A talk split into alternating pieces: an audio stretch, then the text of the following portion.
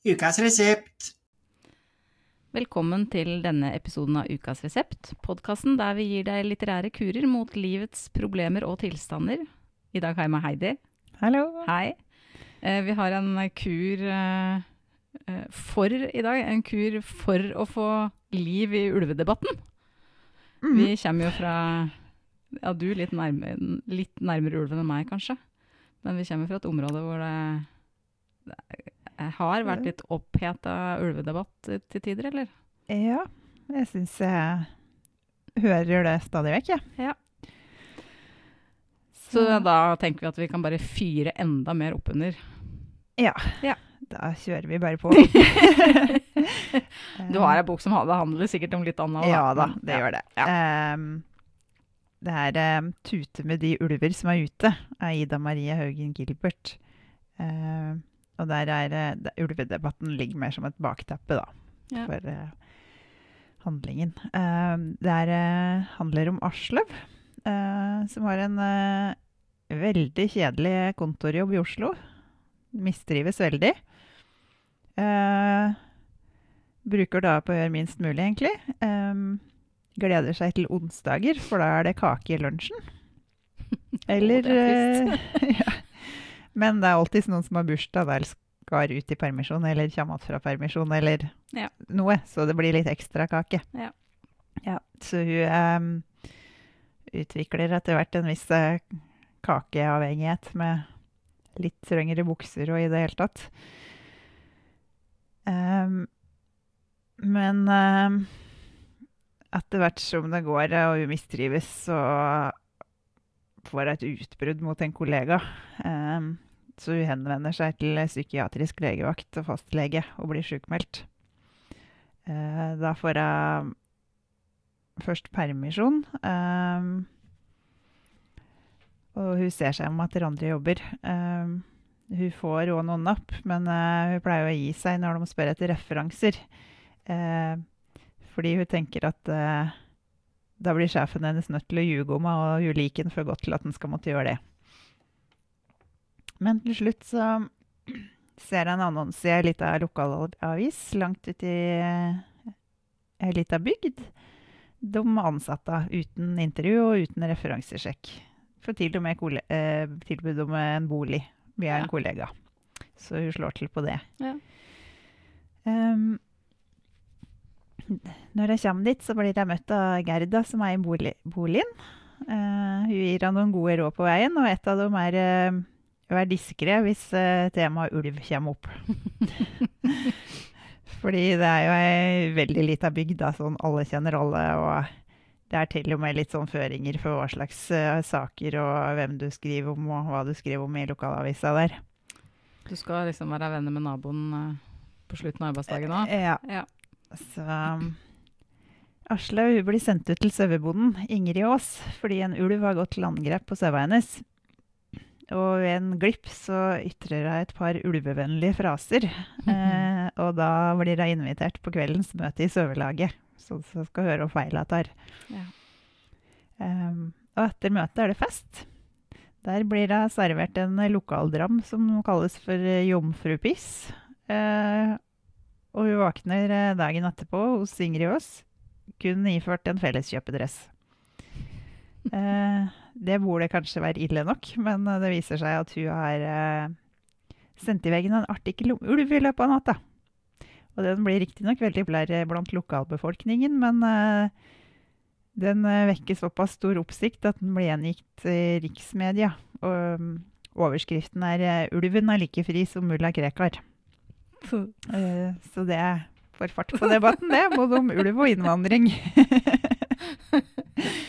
eh, jeg syns denne boka her var ganske morsom. Eh, jeg satt og humra litt. Harselerer liksom både med by og bygd. Og veldig fornøyelige situasjonsbeskrivelser, syns jeg. Får du liksom se begge sider av ulvedebatten, eller? Vi snakka, litt om det før, at det, det er ganske sånn steile fronter på begge sider. Ja, eh, du gjør jo det for så vidt, da, men det er klart eh, det er jo bare hun Aslaug som er eh, for ulv i ditt hufløtt. Ja. sånn at Ja. det blir jo mye sånn eh, hva bygdefolket mener, da. De er jo ikke nødvendigvis så positive. Nei. nei. Eh, det har kommet veldig mye bøker de siste par åra med ulv i tittel, har Ja. jeg tenkt over. Eh, Det har det faktisk. det er den 'Løpeulv' med Kjerstin Ekman, og så er det Åh, Cezanne Shakar. Har ikke han en eh, Den har også et eller annet med ulv i tittelen. De kaller meg Ulven, ja. Uh, jeg har med en som heter 'Menn som hater ulver'. Den er fra 2017, så den er ikke helt ny. Uh, av Lars Lent. Um, den starter med at ei dame blir angrepet og revet i filler av en ulve, ulveflokk i Østerdalen. Og det gir ulvemotstanderne etterlengta vann på mølla. Et menneske drept av ulv, liksom. Men det lokale ulveforskermiljøet nekter å tro at det kan være ulver som står bak. Eh, men de kjemper en eh, litt sånn håpløs kamp for å bli hørt. Helt til den lurvete eremitten Rino Gulliksen tilbyr dem en hjelpende hånd.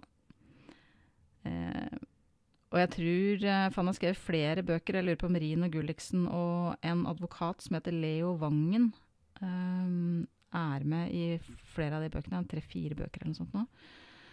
Um, når advokaten Leo Vangen får høre om Rinos planer, så reiser han straks til Elverum for å forhindre hindre at det hele utvikler seg til et blodbad. I Østerdalens dype skoger barker ulvehatere og ulveelskere sammen i en kamp på liv og død. Eh, her er det liksom uh, varaordfører mot ordfører. Her er det stakkarslige folk og gærne folk. Eh, og han sier sjøl at det ikke er ei bok om ulve, ulvekonflikten, eller at det ikke er et innlegg i ulvedebatten. Men det kan det jo fort bli allikevel, da. Um, han Det er med en skurk, for det er liksom Det er ikke krim, men krim. Jeg, vet, den- Han står ikke på krim hos oss, men det er liksom et krimelement i, i flere av de bøkene hans. Hovedskurken er en ordentlig bad guy. Han er en kar fra Oslo som er tidligere leiesoldat. Og han oppsøker ulvekonflikten fordi det er det nærmeste han kommer krig i Norge. Så sier han litt om hvor Så dette her er blåst opp til sånne ekstreme proporsjoner. Um, og så er han ikke bare Han er snill, da. Han er veldig glad i bikkja si, blant annet. Eh, eh, han har han Lent har gjort mye research før han satte i gang. Eh, blant annet så har han fulgt en del folk fra Østerdalen i sosiale medier for å liksom ja, få det litt sånn halvrealistisk, da. Eh, han har sjekka alt fra vernesiden med Facebook-gruppa Vern ulven i Østmarka til folkeaksjonen Ny rovdyrpolitikk. Eh, og det er grupper som har masse medlemmer på Facebook. Mm. Eh, men det er, eh, det er morsomt. Eh, litt dramatisk, litt småskummelt. Eh, og så veit jeg at han har skrevet Han har også skrevet en bok om eh, heter et eller annet med vindmøller. Så han holder seg jo på en måte i litt sånn derre Betente betente, eh, betente temaer. temaer. Ja.